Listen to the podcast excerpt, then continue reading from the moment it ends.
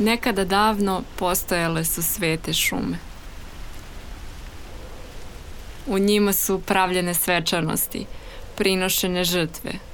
Koraci bivali odmereni. U njima su duše predaka odlazila u određena stabla. Te šume su bile stvarne i prema njima ljudi su gajali strahopoštovanje.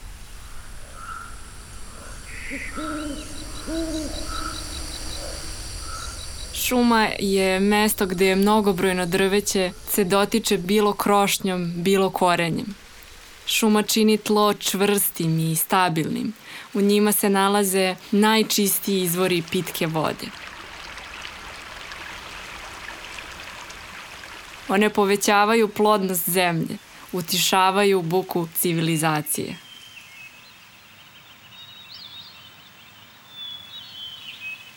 Mnogo običaja vezano za šumu sa naših prostora je zapisano, a ne možemo sporiti i činjenicu da je upravo šuma spasla mnoge glave. Na koje sve načine su naši preci imenovali šume? Nije svaka šuma nazivana baš tako.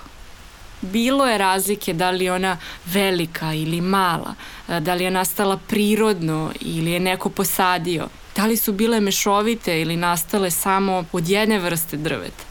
Da li su se javljale na nekim suvim mestima, močvarama, nizijama ili na planinama? Da li je to stara šuma ili mlada? Postojalo je toliko različitih nijansi imena. Neke od njih su Gaj, Lug, Dubrava, Gora, Gustiš, šuma u nizijama u kojem obitava hrast, ponekad cer i grab, najčešće se naziva gaj. Za gaj se kaže da je to i ona šuma koju je čovek posadio.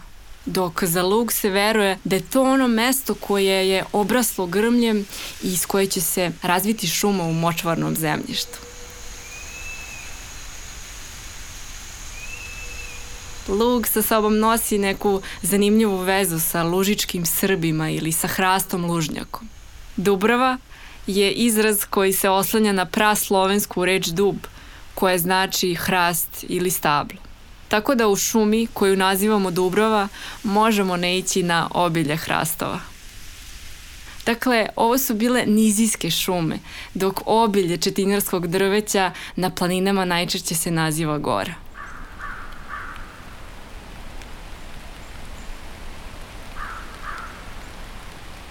Hiljadama godina unazad, u prastara vremena, na cijelom Balkanu nalazio se okean hrastovih i bukvenih šuma. Šume su bile toliko rasprostranjene da ljudi nisu mogli da se bave zemljoradnjom, već stočarstvom, lovom, ribolovom. U tim šumama skrivale su se raznolike i opasne zverke.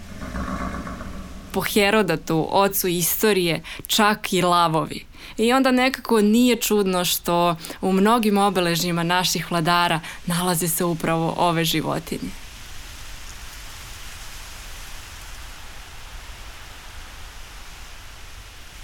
Sloveni su verovali u sveta stabla.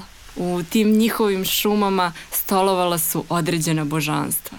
U šumama su gradili kuće od drveta, pronalazili hranu i molili se. Za njih je šuma predstavljala dom i datost, koje se i poštuje, ali i od koje se plaši.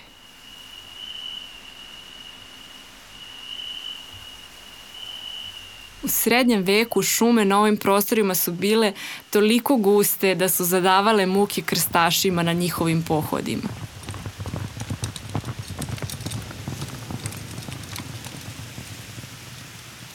Dolaskom plemena Sasa u 13. veku jača rudarstvo.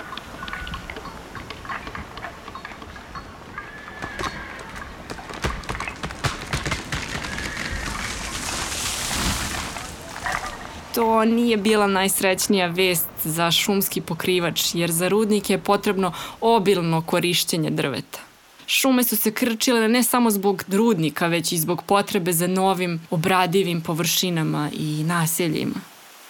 Ljudi su nekako intuitivno osjećali da ovi potezi nemaju meru, pa je čak u Dušanovom zakoniku istaknuto da je zabranjena prekomerna seča šuma.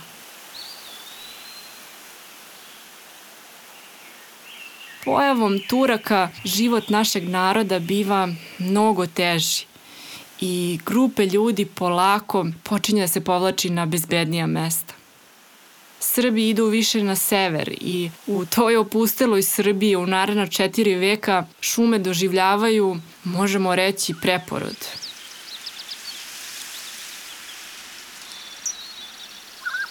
Na prelazu između 18. i 19. veka Srbija je bila jedna od najšumovitijih zemalja na Balkanu.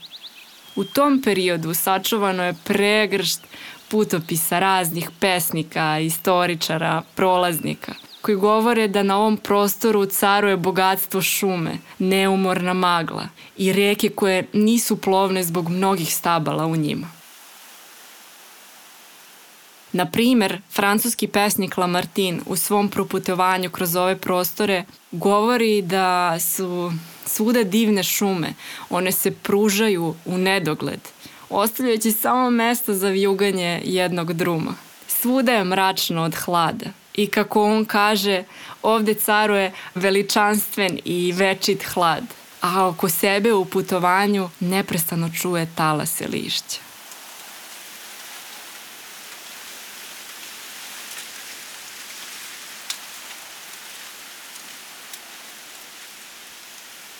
Naš naučnik Jovan Cvijić govori da je centralna Srbija prirodno utvrđenje i da baš u tim skrivenim i gustim šumama su pokrenuti ustanci. Odatle se započinjalo oslobađanje našeg naroda. Nevičan i sa drugih prostora čovek bio je uplašen da uđe u ta tamna grotla.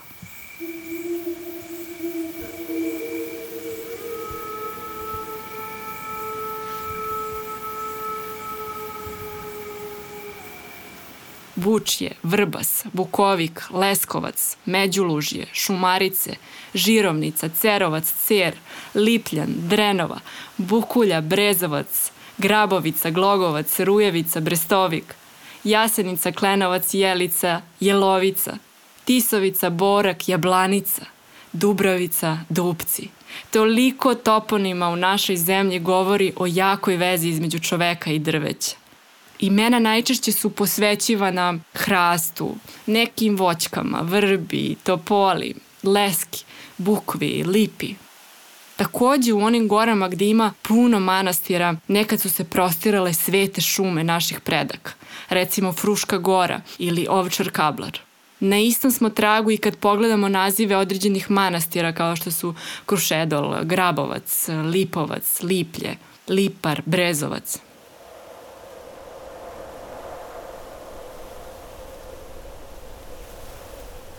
Vreme prolazi i ljudi polako sve više i više odlaze u gradove i ostavljaju divlja područja ili obradive površine. Razvojem civilizacije i prekomernom upotrebom drveta kao resursa, šume bivaju sve razređenije i sve sporije se obnavljaju.